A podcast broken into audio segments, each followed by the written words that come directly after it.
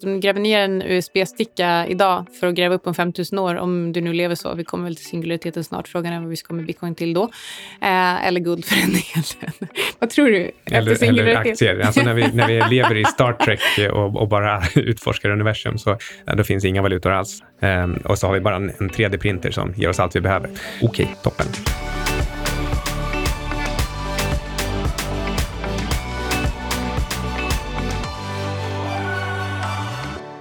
Hej! Du lyssnar på Outsiders. Med eh, Anna Svan och... En jetlaggad syding. Du har ju precis kommit hem från LA och vi ska prata lite om det alldeles strax. Fast bara väldigt, väldigt lite. Det här är ett specialavsnitt. Vi frågade våra följare på Twitter om de önskade ett längre avsnitt än vanligt. För det vi ska prata om idag är hard and sound money, centralbanker, guld, bitcoin, use caset för de båda. Vad ska man använda som store value? Och eh, självklart gå in lite på inflation. Jag fick nämligen en fråga igår. Är inte inflation nödvändigt för ett lands ekonomiska tillväxt? Så det ska vi snacka om idag. Men eh, först ska vi prata om någonting som är nödvändigt för ljudet i Outsiders och det är Alexander Marton. Vad hade vi gjort utan honom? Vår delägare, partner och ljudkonstnär.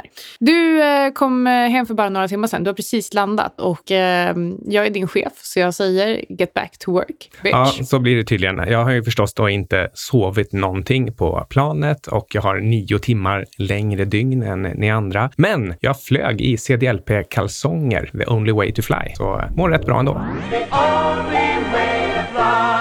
Exakt. Vi är ju eh, den här veckan sponsrade av eh, CDLP och eh, det är Fars dag runt hörnet den 10 november och det kan vara ett perfekt tillfälle att hedra en person som är en bra pappa. Det kan vara din man, din kille, din far, det kan vara kanske din bror om han har barn. Vem det nu än må vara som är en bra pappa och då är det alldeles perfekt att CDLP finns där för oss och för er. Och det här är det märket som har ritat om kalsongkartan i världen. Mm, så det är ett perfekt tillfälle att ge bort en uppgradering av hela kalsonglådan, för det brukar behövas oftare än man gör det. Jag funderar på om jag eh, kanske, för min, min syster fick ju eh, barn här alldeles nyligen, så man kanske skulle ta och paketera ett par sådana här till eh, hennes kille då, eh, som sin första första present. Men eh, bara för er som lyssnar så har vi en kod som ger 10% på cdlp.com eller deras butik på Stureplan Stureplan 19. Det är faktiskt lite kul för att jag såg det när jag gick till kontoret häromdagen. Så såg jag bara, CDLP, kan det verkligen vara så att de håller på att öppna en butik där? Och så var det faktiskt. Eh, och de finns också på NK i Stockholm och Göteborg. Och koden som ni uppger i kassan då är outsiders. Så förvånande. Koden outsiders alltså.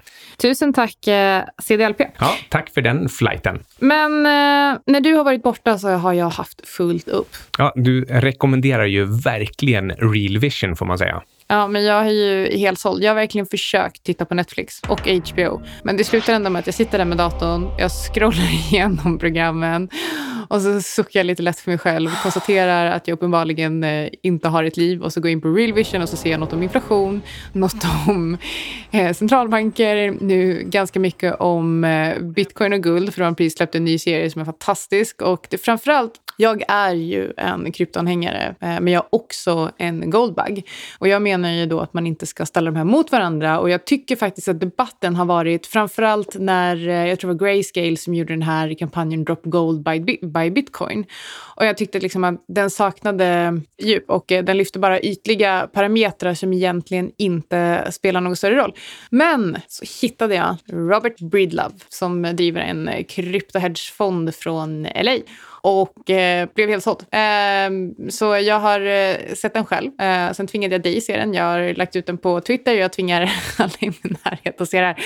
Och eh, det är alltså, ehm, jag tycker verkligen att han går igenom caset för bitcoin på ett extremt pedagogiskt sätt. Eh, mycket, mycket bättre än någon annan jag har sett faktiskt. Vad jag tycker, tycker överlag att den här debatten bitcoin mot guld, båda sidor gör sig skyldiga till helt, helt onödig endimensionalisering. Det, det blir liksom att man bara ska slåss för sitt sitt fotbollslag istället för att faktiskt titta på detaljerna. Och jag tycker när, när Breedlove går igenom caset för bitcoin så går han faktiskt också igenom caset för guld och han gör ett bra case för båda. Men i slutändan så blir det ändå bitcoin. Precis. Och eh, vi ska ju prata mer om våra tankar om just guld versus bitcoin under programmet. Eh, men lite senare, för vi ska snacka om lite andra saker först.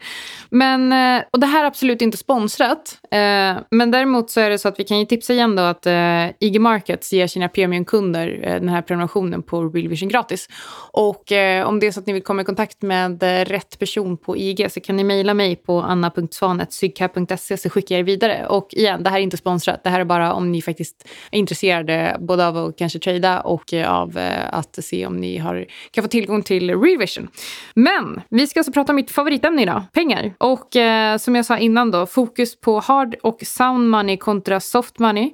Guld och bitcoin och vad framtiden står och value är och hur caset ser ut för båda. Alltså jag minns ju när D-mark och dollar kallades för hårdvaluta och för mig under min uppväxt så var det en självklarhet att det här var hård valuta. Men det jag hade att jämföra med, det var drachmer i, i Grekland till exempel, som man kunde, kunde märka när man eh, reste på semester dit och förstod att oj, här har det varit riktigt mycket inflation för att det var så konstiga valörer. Eller italiensk lira för den skull. Där blev man ju direkt miljonär när man åkte dit. Alltid trevligt. Eh, och eh, dessutom så kommer vi ju då eh, efter den utvikningen prata lite om eh, centralbankernas historia.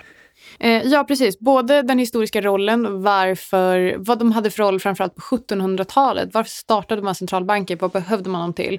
Och sen vad deras roller har utvecklats till. Och här kommer vi alltså inte göra någon som helst subjektiv bedömning. Det här programmet kommer inte handla om att vi går igenom hur dåliga de är, eh, eller bra, eh, utan vi kommer helt enkelt bara gå igenom fakta. Eh, varför de startades från början. Och, eh, så det, här, det blir ingen centralbanks-rant idag. Jag vill bara förvarna er om det. Men eh, förutom den här Robert Breedlove-intervjun eh, så har jag också sett en intervju med Jim Grant och eh, jag såg den också två gånger. Ehm, och det var för att jag ville visa min pojkvän. Och sen blev jag skitsur på honom när han hela tiden ifrågasatte eh, mina... Du får gärna prata mer inflation med honom. ja, men jag blev skitsur, så till slut sa jag faktiskt att jag blev på dåligt humör för att han ifrågasatte mina tankar om inflation och deflation. Eh, och eh, ja, han bara garvade åt mig när jag blev sur. Jag sa att han inte fick ställa fler frågor. men, eh, men hur som helst. Eh, det, Real Vision har verkligen inspirerat mig till att skriva ganska många artiklar som jag sitter och pillar på ungefär samtidigt nu. Men eh, har du någon USA-spaning? Ja, jag tänkte att jag skulle flika in dem lite här och var när, när det passar. Och eh, när du pratar om att du verkligen inte inte klarar av att titta på de här tv-seriekanalerna utan fastnar för Real Vision istället, då kan jag verkligen eh, understryka hur oerhört trött man blir på reklam om tv-serier och tv-kanaler när man går runt i framförallt Los Angeles och kanske framförallt på Hollywood Boulevard. För här kanske vi tänker Netflix, HBO, Hulu, Amazon och några till. Men där så märker man att det, det finns, finns dussintals företag som har startat sina egna tv-kanaler och det känns som att det är hundratals fullständigt meningslösa tv-serier och som också har typ samma tagline. Jag, jag noterar bara på, på ja, men inom loppet av kanske någon timme när jag gick runt på stan att fem olika tv-serier hade taglinen ungefär It's time. Så här, Watchman hade It's time och Batwoman It's her time now. Någon annan hade eh, Her time is now och så vidare och så vidare. Så, eh, och, och då framgår det så tydligt att det bara är massproducerat skräp, formelproducerat skräp som får dig att titta på ett avsnitt till, ett avsnitt till för att du hoppas att någonting spännande ska hända, men det gör aldrig det. Betyder det här också att även PR har blivit massproduktion? Ja, det kan vi, det kan vi säga. Alltså det, det är liksom precis, det, det blir som en extra metanivå att det har blivit, eh, även, även den har blivit eh, formaliserad.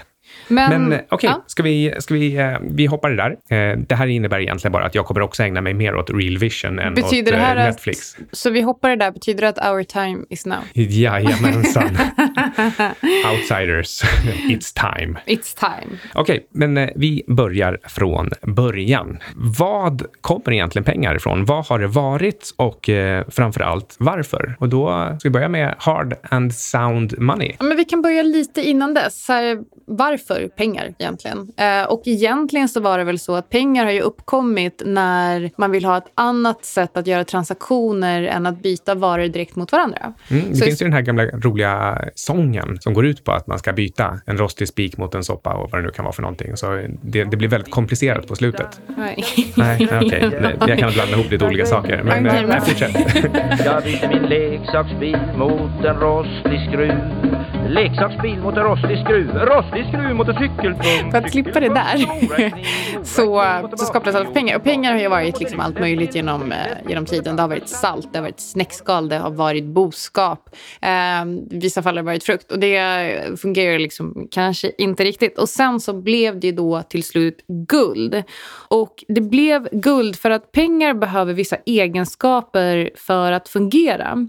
För det första så behöver de vara delbara för att man ska kunna räkna dem. Hur, för, för du behöver betala kanske mer för boskap än för ett hekto vete. Och eh, sen måste de också vara flyttbara för du måste också kunna ta med dig de här när du ska göra den här transaktionen.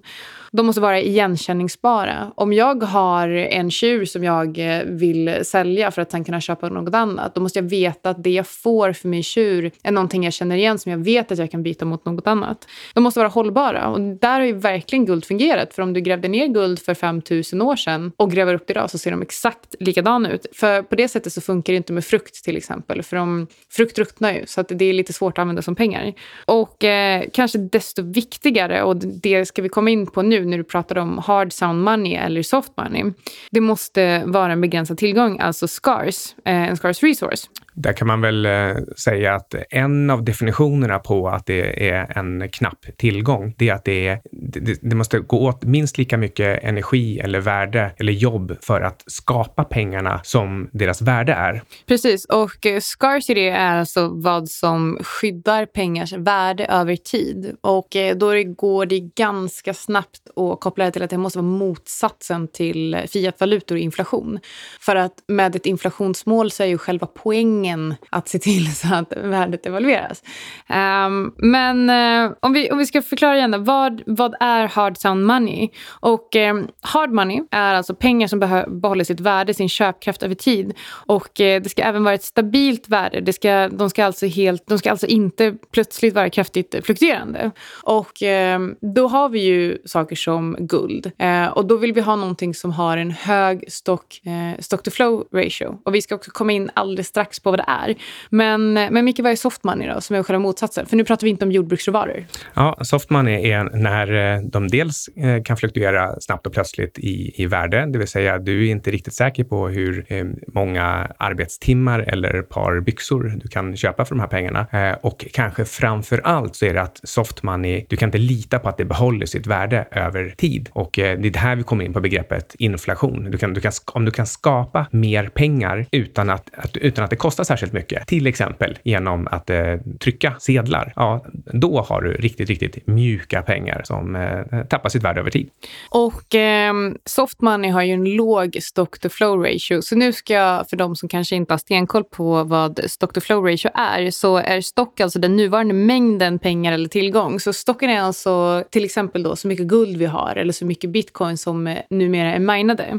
Och det är alltså stock betyder egentligen lager kan man säga. Exakt. Bra sätt att tänka på. Och flow, flöde. Den mängd som skapas över en tidsperiod. Och det här betyder alltså att ju högre stock to flow ratio, alltså desto, mer, desto högre stocken är i relation till flödet av tillgången som kommer in, desto mer sound eller hard anses tillgången vara, alltså lägre inflation. Det här är egentligen för att det påvisar på att för precis som Micke sa, för om du har, om du har en produkt eller om du har en tillgång eh, i en del och den har ett visst värde. Om du kan skapa en exakt likadan och du helt plötsligt står med två stycken, då är värdet fortfarande detsamma, men då är den per enhet värda hälften så mycket. Din eh, nya favorit då, Breedlove, han eh, tog exemplet med baseballkort som är ju väldigt typiskt i USA. Jag vet inte, här kör vi väl hockeykort eller har kört. Ja, precis. Och om det till exempel finns hundra stycken Niklas Lidström, ingen kommentar till varför jag valde just honom, men om det finns hundra kort med Niklas Lidström och man printar ett till, då blir alla andra lite mindre värda. Och i det här fallet kan man säga att den där, att printa ett kort till eh, på hundra befintliga kort, ja, men då har man ju stock to flow på hundra. Alltså hundra stycken i stocken och en ny i flow.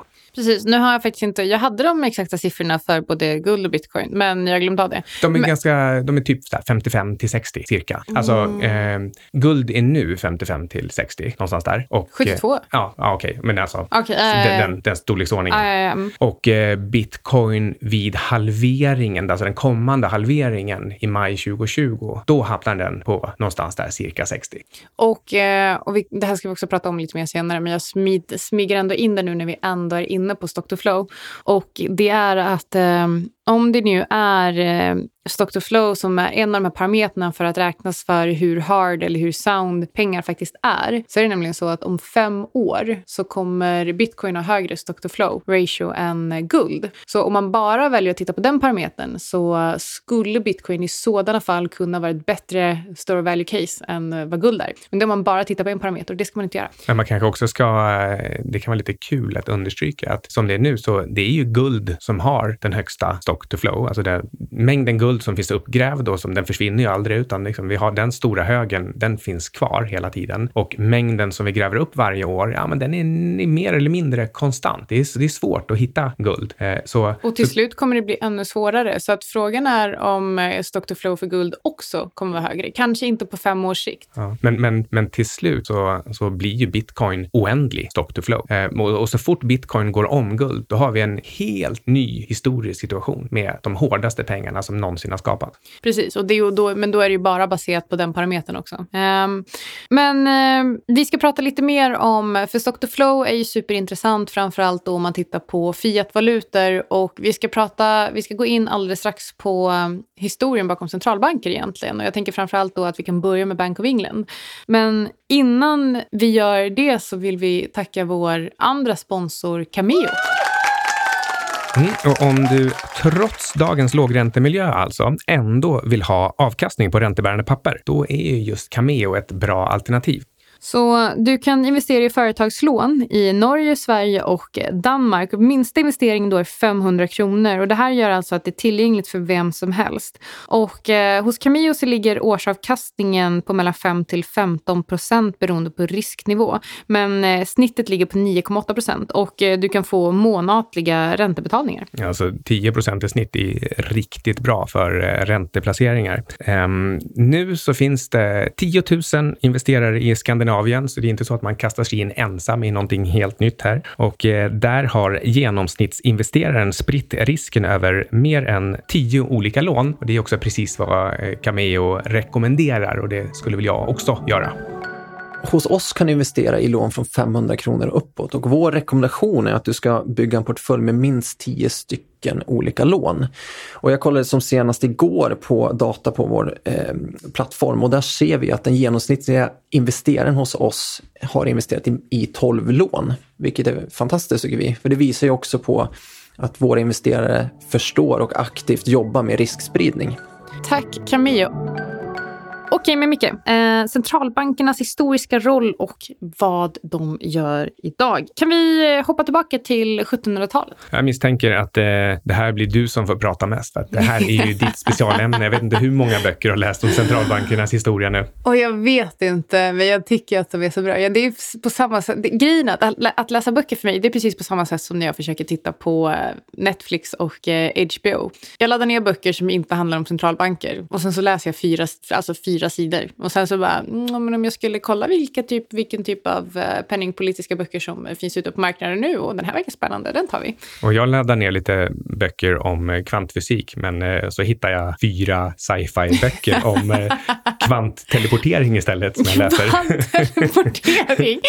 men, men okej, om central, Bro, do centralbankernas... you even teleport? om, om centralbankernas roll idag, den är ju att se till att aktiemarknaden aldrig ska gå ner. Vad var rollen på 1700-talet? Ja, på 1700-talet så hade vi inte så himla många aktier. Eh, och eh, idag, centralbankerna, precis som du säger, där vad man än tycker och tänker så är det faktiskt så att eh, från att inte ha velat ta hänsyn till marknaden så gör gör de ju faktiskt det. Man kan inte säga något annat.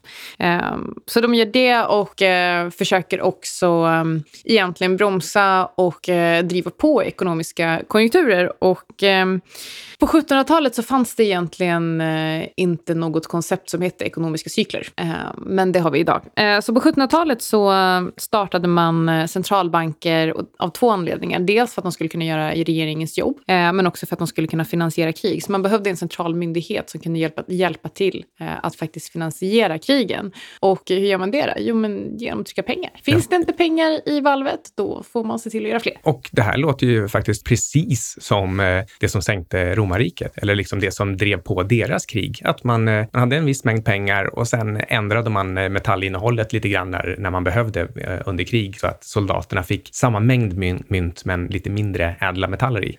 Och för de som vill ha en recap till romarriket, och visst vill ni det, för kuriosa, ja, jag pratar med dig Vendela, är ju det bästa som finns. Så det som hände med romarriket, det var ju alltså att eh, till slut satt 5% av romarrikets eh, befolkning på, jag tror det var 90% av eh, alla pengar. Och det gjorde att eh, resterande svalt ihjäl och till slut så fanns det inget romarrike kvar. Och ändå så låter det där oerhört mycket rättvisare fördelningsmässigt än vad det är nu, där the 0.1 procent sitter på. Mm, absolut. Ja, men eh, jag fastnade faktiskt lite grann för det där du sa om eh, att man inte visste om att det fanns ekonomiska cykler där på 1700-talet. Och Nej, jag det- menar, konceptet existerar Nej, inte. precis. Och det, och det gör ju att då den tidens folk och eh, affärsmän, de fick liksom genomlida nedgångarna utan att ens liksom ha den här mentala stödet av att veta att ja, men det är nog bara en cykel, det vänder nog snart upp igen. Det måste ha varit jättejobbigt. Men jag tror också att eh, om du var en affärsman på den tiden så var du nog så koncentrerad eh, på en och samma korg, så att säga. Jag tittade inte ens på makron, utan det var bara på ditt... Nej, jag vet inte riktigt. Så här, det, var inte, det var inte som att jag gick och lyssnade på Macro Voices på Nej. D- d- 1700-talet. dess- dess- Dessutom, dessutom tog... Eh, så jag, skulle vilja, jag skulle vilja höra hur Erik Townsend hade låtit på 1700-talet om, om det nu hade funnits en radio. Och det fanns det ju inte, Nej, men, här vad spännande. Minaretutrop från någon, från någon bergstopp. men men nej, det är sant. Alltså, I 1700-talet då var väl fokus på att sitta på sitt kryddskepp till Indien i nio månader. Ja, men Och- exakt. så- Och så det var extremt långa ledtider och eh, jag tror inte det var så att eh, man påverkades speciellt mycket av en potentiell glo- global ekonomisk inbromsning. För jag tror inte att det existerar. Jag tror inte att det var liksom eh, synkat på samma Ja, men då, sätt. så man hade inte en global equilibrium interest rate. Nej. Vad var nästa steg då i centralbankernas utveckling? Jättemånga. Det är grejen att eh, jag kan prata om eh, centralbanker och penningpolitik hela dagen, eh, men eh, det får jag inte göra. Så eh, vi eh, snabbspolar eh, 200 år till år 1913. Och vad hände då? Då skapades Fed, detta olycksaliga tillfälle. Nej, just det, här, vi skulle inte ha några åsikter här. Nej, men vi ska inte lägga in massa subjektiva bedömningar. Nej, nej, jag men vill- Fed, Fed, amerikanska centralbanken skapades 1913 och, och eh, idén var väl att eh, släta ut såna här eh, plötsliga räntespikar som, som eh, kunde uppstå när det blev obalanser i utbud och efterfrågan på pengar. Och eh, det här skulle då stabilisera priset på pengar så att man därmed också stabiliserade eh, ekonomin. Exakt, och det skulle man då göra genom att eh, bidra med seasonal liquidity. Eh, för att på den tiden så var många bönder och eh, under olika säsonger på året så gick det bättre eller sämre. Och det var också det som, Liksom på, det som ledde till de här eh, räntespikarna. Eh, så när kostnader för pengar eh, fluktuerade mycket så blev det lite oroligt och därför skapades Fed. Och det här gjorde man och det för att, vad man då kallade för att göra den amerikanska dollarn mer elastisk. Så de hade en relativt neutral funktion eh, på den tiden. Men nu har ju Fed blivit en myndighet som framförallt har två huvudjobb.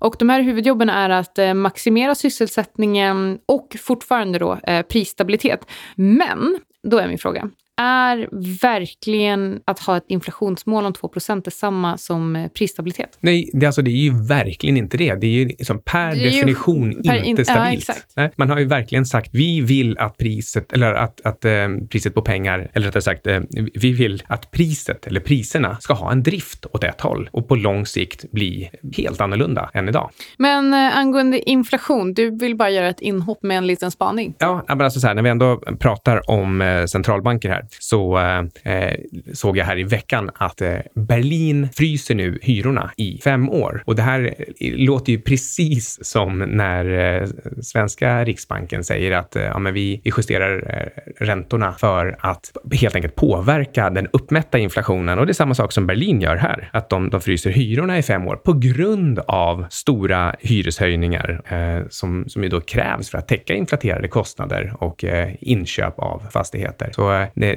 det, är liksom, det, det är precis samma sak som när, eh, när Fed säger att vi har prisstabilitet som mål, det vill säga att den ska vara 2% instabil varje år. Så säger Berlin att ja, vi kan inte acceptera att priserna springer iväg, så därför så bara fryser vi dem. Och det skapar ju obalanser, ännu värre obalanser på båda håll. Och eh, ja, verkligen. Men om vi går tillbaka till Fed eh, och dagsläget, för då sa vi att eh, målet är att maximera sysselsättningen och prisstabilitet. Och ehm, nu ska jag säga någonting som har med att maximera sysselsättningen att göra. För att när vi pratar om att Fed idag jobbar för att hålla aktiepriserna uppe så går det faktiskt hand i hand med att maximera sysselsättningen. För att man tittar på vad en vd för ett börsnoterat bolag, kanske framför allt i USA idag, eh, deras absolut största intresse är ju faktiskt att hålla aktiepriset uppe. Så en vd väldigt, sitter väldigt tajt ihop med eh, aktiekursen. Och det här innebär då att eh, om vi ser... Ehm, eh, så de kommer göra allt då för att resultatet ska vara så bra som möjligt för att överträffa förväntningarna för att hålla eh, aktiekursen stigande på en stigande nivå. Men om vi då ser kvantitativa eh, åtstramningar som då kan pressa ner priset på aktiekursen, då kan det faktiskt innan vi egentligen ser en ekonomisk inbromsning, då kan det leda till att vdn för det här bolaget fattar ett beslut att okej, nu måste vi vidta åtgärder för att få upp priset på aktiekursen igen. Och det här kan faktiskt leda till att eh, de slutar investera i verksamheten. De kanske får se till så att folk förlorar sina jobb. Och det är det här som har att göra med att maximera sysselsättningen. Om det är så att eh, aktiekurserna går bra eh, så kommer bolagen att våga investera mer. Och även om det här inte är en effekt som är mer än artificiell så är den faktiskt där. Och ju mer du blåser på det här desto högre risk blir det i slutändan. Och det här har ju då lett till vad många kallar för en everything bubble. För en bond bubble, alltså en obligationsbubbla om man nu vill översätta det till svenska, eh, är, kan då leda till en everything bubble. Men Jim Grant säger i eh, en annan intervju med Real Vision att eh, det stämmer inte, det finns ingen everything bubble. Och eh, det här tycker jag är superintressant för att jag har ju kallat det för everything bubble. En av mina favoritböcker heter everything bubble. Men han lyfter då att det finns så många pockets of neglect. Och det här är någonting som du och jag mycket har pratat jättemycket om. Mm, alltså det är kul att kalla det för en everything bubble. Det är liksom alltid roligt att vara lite så provocerande. Men eh, Fast de säger också everything bubble except commodities. ja, precis. Så Det, det, det finns ändå alltid alternativ. Det finns alltid sådana här bortglömda sektorer. Och, och, och de vi brukar lyfta fram, det är ju just guld och eh, råvaror. Och eh, precis som jag var inne på det så handlar det ju centralbankernas jobb idag om att hålla aktiepriserna uppe. Och eh, det här har gjort att jag har funderat ganska mycket på, för att nu har vi ju en, eh, obligationer är ju dyra idag. Eh, så det finns egentligen ingen anledning att investera i dem, framförallt inte när vi har negativ yielding bonds på många ställen och som är uppe i 15 trillion dollars. Det är ganska mycket. Nu har de fallit tillbaka lite grann, men vi kommer nog komma dit. Och eh, min tanke är så här att om, om vi kommer se kvantitativa lättnader, mer QE, eh, på, i både EU, eh, EU-området och USA, kommer det här leda till att vi ganska förutsägbart om några år kommer veta att eh, aktieindex kommer stiga någonstans mellan 5 till 6 till kanske 7 procent per år. Och så vet man att det är en ganska trygg placering, ganska låg volatilitet eftersom att man kommer fortsätta trycka mer pengar och fortsätta blåsa upp de här tillgångspriserna. Kommer det här leda till att man, eh, att bonds inte är en stor marknad och att man faktiskt allokerar om de pengarna som har legat i, i bond markets till, till aktier. För att vi måste hela tiden söka oss efter mer risk för att få avkastning på våra pengar. Och om vi inte får någon avkastning på våra pengar i, på räntebärande papper så måste vi någonstans allokera om det till, till något annat. Tror du då mycket att aktier skulle kunna bli det? Det här är en eh, typisk eh, svart svanspaning, alltså någonting som eh, skulle ha e-, extremt stor impact, men, men som kanske är, kanske är lite osannolikt. Men, men jag håller definitivt fältet öppet för att antingen så får vi en riktigt stor reset av hela det finansiella systemet, eller så kan vi mycket väl hamna någonstans där du pratar nu. För, för som du säger, aktiemarknaden har blivit oerhört viktig som liksom svansen som eh, viftar på, på hela hunden. I, I, USA så står aktiemarknaden för sådär 160 procent av BNP i värde och det gör att den får liksom inte falla. Dels av de effekter som du sa innan, att då drar, drar företagen själva ner på investeringarna, men också för att de som, som har sin förmögenhet i aktier, de känner sig så snabbt så mycket fattigare att de också drar ner på sin konsumtion och, och, och alla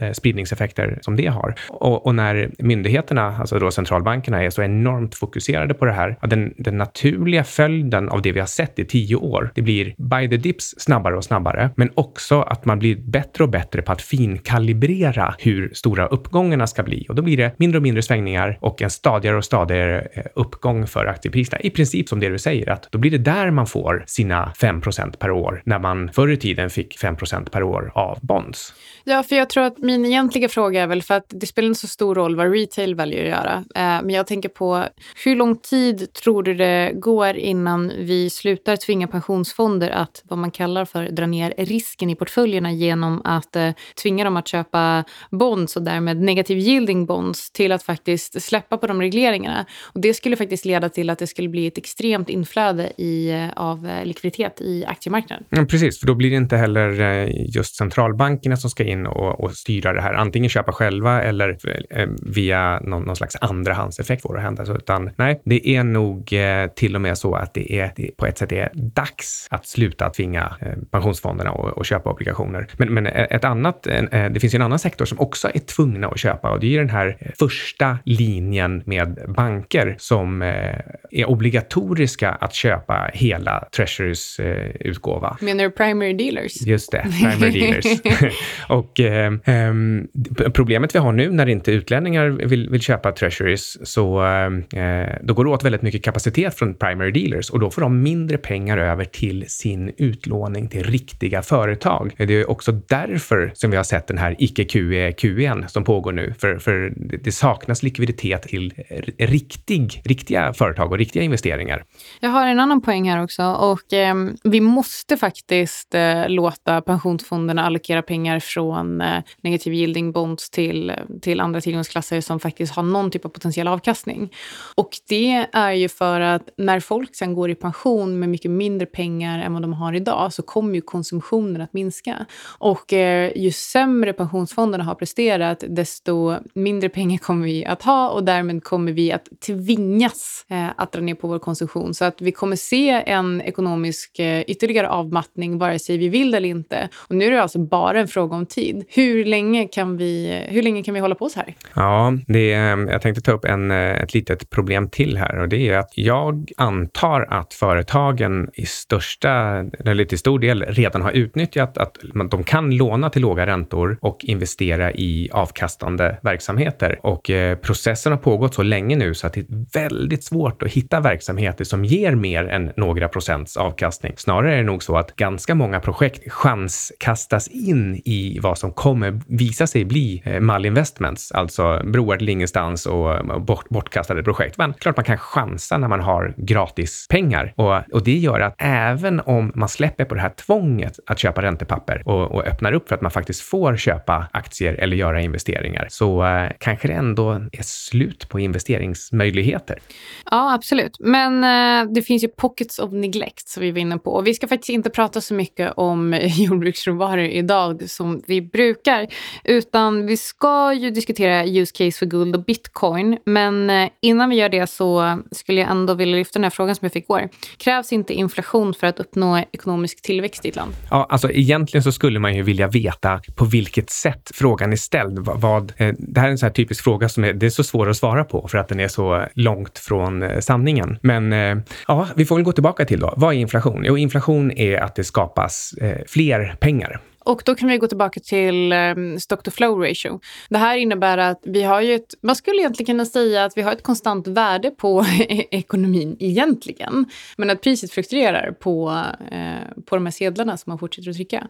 Så att om vi har inflation, att, att, vi, tryck, att vi har 2% högre priser då eh, varje år betyder ju inte att ekonomin har vuxit. För att när man mäter ett, eh, ett lands ekonomiska tillväxt, då mäter man ju det minus inflation. Mm. Nej, det, det, är till och med så att man skulle kunna svara på den här frågan och säga att när det är precis tvärtom. Det blir svårare att få till tillväxt om man har inflation. För det mänskliga sinnet, det har lite svårt att anpassa sig till, till nya storheter hela tiden. Och om man, om man ser att den, det uppmätta beloppet på ekonomin ökar med, låt oss säga, 3% varje år, för att penningmängden ökar med 3% varje år, ja, då är det lätt att slappna av och tro att man har vuxit med 3% per år. Men egentligen så kanske man står still och tillverkar exakt lika många enheter av, av, av samma grejer hela tiden. Så man får, en, man får en motsatt effekt. Alltså det blir svårare att växa på riktigt, alltså svårare att växa realt när man luras av att, att pengarna växer. Men sen är det också så, det finns en annan liten effekt i alla fall av att eh, ehm, om man, eh, eh, man får vad man tycker är mer i lön, då kan, man, då kan man stå ut på sitt jobb trots att man egentligen får en realt sänkt lön. Och det gör att man faktiskt kan komma till en, en, eh, en högre sysselsättningsgrad och man kan se till att, att folk får bara betalt efter vad de faktiskt producerar. Eh,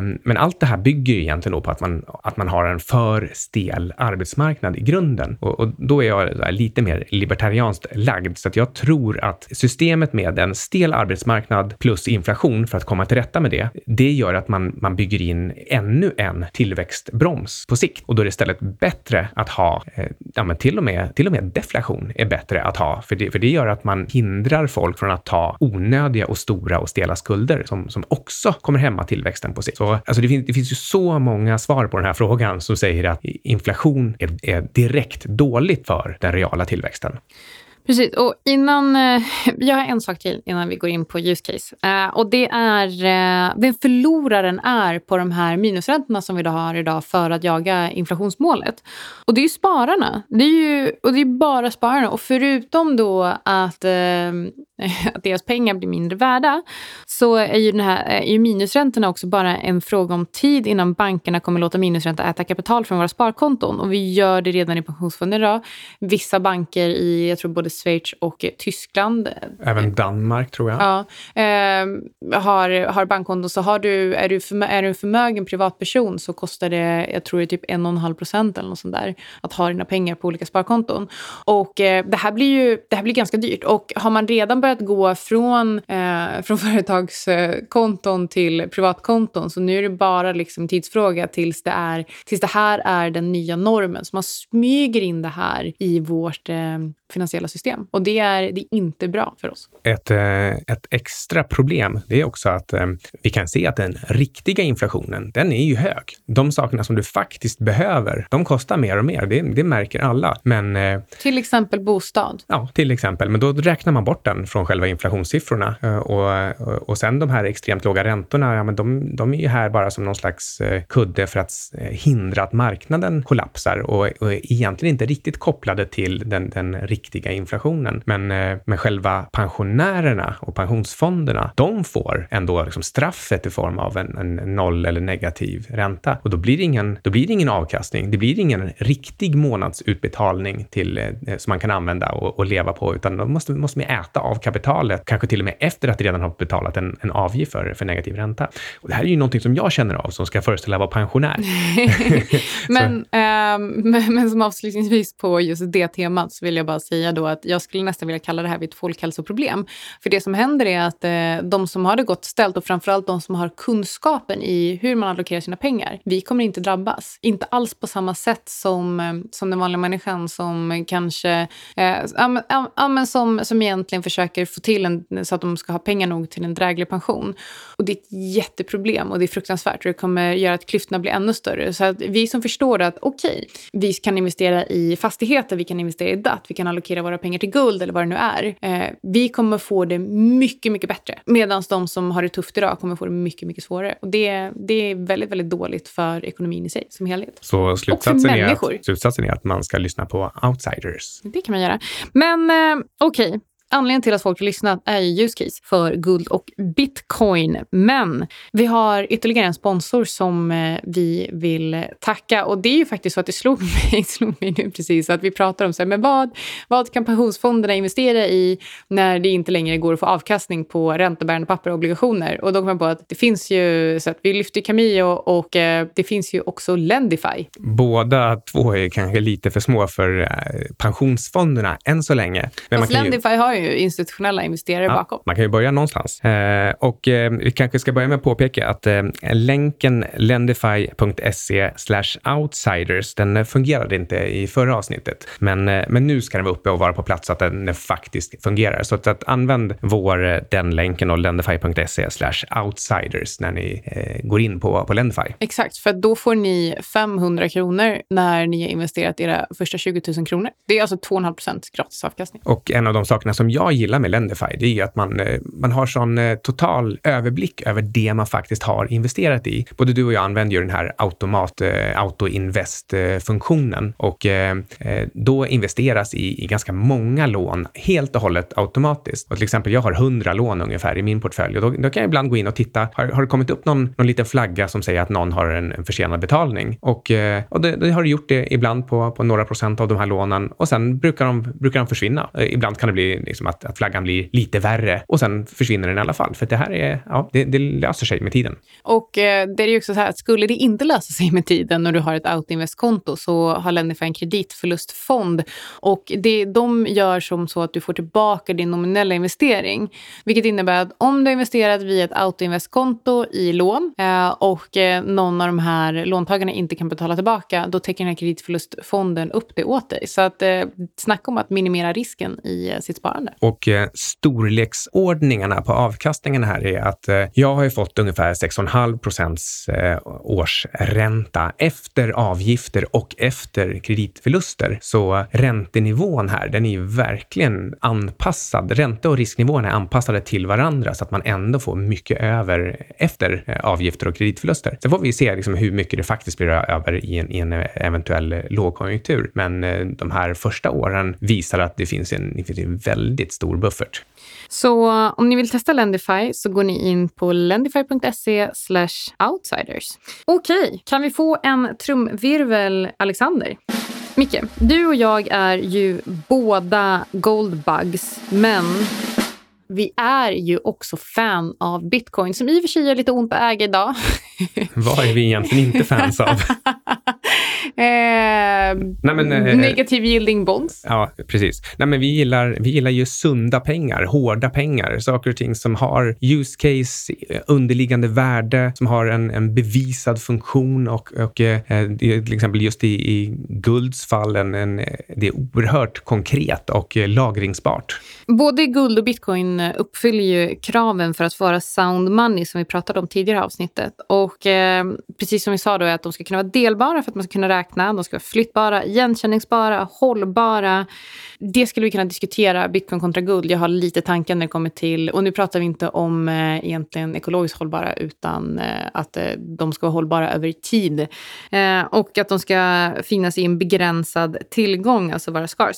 Så om vi ska prata lite om fördelarna med båda två, eh, så är det så att guld behöver ju inte elektricitet för att fungera. Det behöver bitcoin. Det där är ju lite som vi har pratat lite om tidigare. Om apokalypsen blir så stor att eh, elektriciteten försvinner också, då har man så stora problem ändå att, att sitta på lite guldpengar kommer ändå inte hjälpa. Nej, men det kanske hjälper mer. Men då är det nog eh, faktiskt snarare så att du får byta liksom, eh, tjänster och varor med andra tjänster och varor helt enkelt. Men däremot lite så här tillfälliga brownouts eller man, man kanske ja, men, säga motsvarigheten till flyktingar från Syrien, att vi får, får fly från våra, våra fina herrgårdar här. Ja, då kanske man kan få med sig en säck guldpengar trots allt. Ja, men precis. Eh, sen är det också så att bitcoin kan försvinna. Eh, om du gräver ner, jag kan ju garantera att om du gräver ner en USB-sticka idag för att gräva upp om 5000 år, om du nu lever så, vi kommer väl till singulariteten snart, frågan är vad vi ska med bitcoin till då.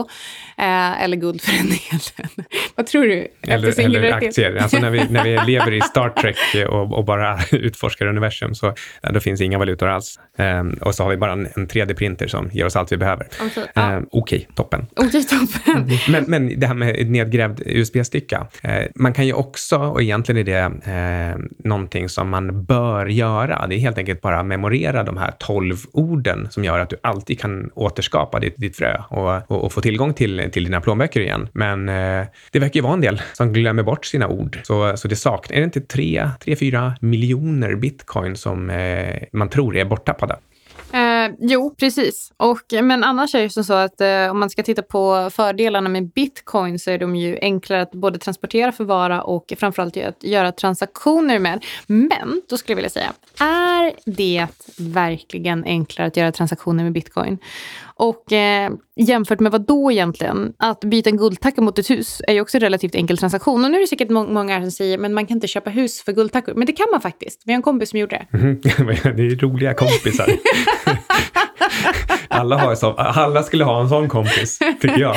Jag tycker det är en bra kompis. Men, men det är återigen då det här, eh, om du, det är skillnad på att köpa tuggummi och hus. Och eh, det är det ju både för bitcoin och guld. Du kan ju definitivt inte köpa tuggummi för, för guld, men kanske inte riktigt för bitcoin heller. Så att, eh, jag tycker liksom bitcoin har också mm, fortfarande som kanske främsta use case att förvara eller bevara värdet och sen genomföra stora transaktioner som ska vara säkra. Så att man, ska, man kan göra buffrade transaktioner. Ja, absolut. Kan vi, vi kan, på tal om det då, så kan vi ju äh, återgå till äh, min, min nya idol, Robert Breedlove. Äh, snälla, kan inte bara alla titta på hans intervju i Real Vision? Han är fantastisk. Men han driver en hedgefond som heter Parallax i LA, fokus på krypto. Men han nämner i den här intervjun då att sen bitcoin föddes, vad säger man? Bitcoin skapades, skapades. eller lanserades kanske? lanserades, ja, ja. Uh, så har um, eh, ehm, 2 trillion dollars i transaktioner gjorts på, och det är bara på tio år. Så, och du och jag har ju diskuterat tidigare att eh, de här guld-versus-bitcoin-lägren eh, de ligger båda på ganska låg nivå. Bara Grayscale-kampanjen var någonting som jag verkligen kritiserade. Jag tyckte att det var så märkligt. Jag tyckte det var fånigt och jag tyckte att man, eh, ja, men man lyfte liksom egentligen inte, inte några riktiga argument för någon, något av det. Eh, och, eh, men de, den, här, de, den här storleken på transaktioner som faktiskt har gjorts de senaste tio åren, både i sett i tid och, eh, och storlek. Det gör att vi inte längre kan hävda att bitcoin saknar legitimitet eller att det inte finns ett use case. Men jag skulle vilja säga så här, avslutande från eh, min sida när det kommer till eh, guld eller bitcoin, så skulle jag säga att just nu så skulle jag säga att use case för bitcoin när vi kan göra de här transaktionerna snabbare och mer effektiva, för vi är på väg dit ändå. Folk, extremt duktiga människor jobbar med det här. Och det skulle kunna vara att just transaktioner, att bitcoin ska fungera just för transaktioner, alltså som ett betalmedel och inte som ett store of value. Och därmed skulle bitcoin och guld kunna bli bra komplement till varandra. Ja, eh, jag tycker det låter helt och hållet naturligt. Och eh, Breedlove går också vid ett tillfälle lite snabbt igenom de här olika stegen som även guld eh, transitionerade mellan. Alltså så att först så var guld store of value. Det var liksom en, en, en klump där du bevarade din, eh, din förmögenhet. Men sen när, när guld blev tillräckligt accepterat och tillräckligt spritt, lite sådär medelspritt, då blev det också en medium of exchange, alltså liksom någonting som, eh, som du gjorde transaktioner i. För att då, då alla hade redan förstått funktionen, förstått värdet och då kunde du också liksom skära upp det lite, tälja upp det lite mindre bitar och använda för just eh, den här eh, liksom, utväxlingen mellan, mellan varor och guld. Och tredje steget blir när det verkligen är jätte, jättespritt så att man, så att det blev så som dollarsedlar är idag. Det vill säga att du då vill också använda det som en eh, unit of account, alltså själva, eh, själva siffran du använder för att säga vad någonting är värt. Vi har ju till och med i den här podden, vi, vi, vi pratar, vi säger inte tusen miljarder dollar ens, utan vi säger one trillion dollar för att vi, liksom, vi vill använda samma unit of account som alla andra gör. Och nästa steg för, eh, för guld då, eh, det är att man, att man eh, pratar om saker och ting i termer av ett gram guld och att allting mäts i det. Och det finns, det finns en en webbsida som, eh, som säger, heter Price of Gold. Där kan du se vad allting kostar i guld. Standard Poor eller olja eller vad som helst. Och eh, det här har ju en parallell hos bitcoin. Den måste också gå igenom de här faserna, bara det lite snabbare än på 5000 år. Så eh, nu, fram till nu ungefär, så har det varit främst store of value, men det börjar bli lite grann medium of exchange. Alltså det är ju det är så, det har väldigt mycket talang som utvecklar eh, motsvarigheten till den här webbsideexplosionen på 90-talet. Och då vill jag bara flika in och säga att ett av problemen för, eh, med bitcoin är ju faktiskt att de som faktiskt utvecklar det här, de är ju faktiskt inte eniga om visionen för vad bitcoin sen ska vara. Och det motsäger ju också lite om det faktiskt ska vara ett store value. Mm, ja, och, och sen har vi då det här sista steget. Kommer det bli en unit of account också? Det är faktiskt redan det på vissa håll, så att utvecklingsmöjligheten finns. Det är ju en unit of account vad gäller övriga coins. Så många av dem prissätts i just bitcoin, vilket är ganska spännande. Så uh, du och jag kan i alla fall enas om att eh, om man ska titta på guld och bitcoin så vill vi kalla det ena för betalmedel och det andra för store value. Och, det fin- och båda bör höra hemma i en portfölj, i men olika storlek då såklart. Ja, för det är fortfarande så att eh, eh, i relation till det som de allra flesta använder som unit of account, det vill säga att i relation till dollarn, så fluktuerar bitcoin så oerhört mycket. Så att liksom, och det är den allmänna uppfattningen av vad risk är. Och, och då får man faktiskt köpa den tills vidare och då, då ska man ha ganska lite bitcoin. Absolut. Sen har vi sista poängen. Om man slår ihop de här, guldbackad krypto är det många som säger. Och eh, då konstaterade jag idag att eh, då krävs det ju ändå tillit till en central myndighet för att vi ska kunna lita på att guldet faktiskt är där och därmed börjar problemen om igen. Ja visst, de börjar, de börjar om igen, men samtidigt så sitter vi här och vi litar på våra banker. Du och jag har ju också våra kreditkort och bankkonton och, och tycker att det är... Det är ju för att vi inte har något val. Ja, nej, eh, men, men vi, till exempel jag gillar ju också att använda såna här olika guldvalvstjänster. Så har man guldet där och så har man tillgång till det via ett kreditkort eller bara liksom en, en webbsida. Så då, jag litar både på webbsidan som, som inte alls är liksom central eller så här decentraliserad på något sätt. Jag litar på att företaget bakom har guldet i sitt guldvalv eh, och sen litar jag faktiskt till och med på bankerna också för själva transaktionerna sen i slutändan sker även via dem. Så, så för min del, så som det ser ut nu, så skulle jag eh, under vissa omständigheter verkligen kunna tänka mig en guldbackad kryptovaluta. Men då ska den kanske vara byggd på just samma protokoll som, som bitcoin och eh, det ska vara någon slags eh, schweizisk icke-bankanslutet valv som, eh, som med tredjeparts eh, granskare kan, kan visa på exakta mängden guld per, per, eh, ja, per kryptoenhet helt enkelt. Och eh, vi kanske ska sätta punkt där. Ja, det, det här blev ett, ett långt avsnitt. Men ett specialavsnitt. Och om ni gillade det här så får ni jättegärna kommentera, höra av er och eh, ratea podden. Eh, och lämna en kommentar om ni vill att vi kör den här typen av längre specialavsnitt eh, igen. Och eh, det kan vi göra på lite olika teman egentligen. Men eh, kommer det vara väldigt fokuserat på makro. Och man vet aldrig om man får någon liten belöning om man lyckas ratea oss på något bra sätt. Men ja, också så att vi vet vet om vi ska göra så här långa avsnitt eller bara kortisar. Ingenting som du har hört i uh, Outsiders har varit någon typ av uh, rekommendation. Hur du än gör, försök inte få det till en rekommendation heller, utan alla placeringar är förknippade med risk som gör att du kan förlora hela eller delar av ditt kapital. Vi äger emellanåt vissa av tillgångarna som vi diskuterar i den här podcasten och våra sponsorer tar inget som helst ansvar för hur du handlar i de tillgångarna. Podcasten är menad för information och underhållning, även om vi förstås själva gör så gott vi kan när vi tittar på de olika tillgångarna. Och vill man veta mer så kan man gå in på sygcap.com eller på sydingsvan.com för att signa upp sig på vårt nyhetsbrev som vi skickar ut varje söndag. Då har du lyssnat på Outsiders med Syding och Svan.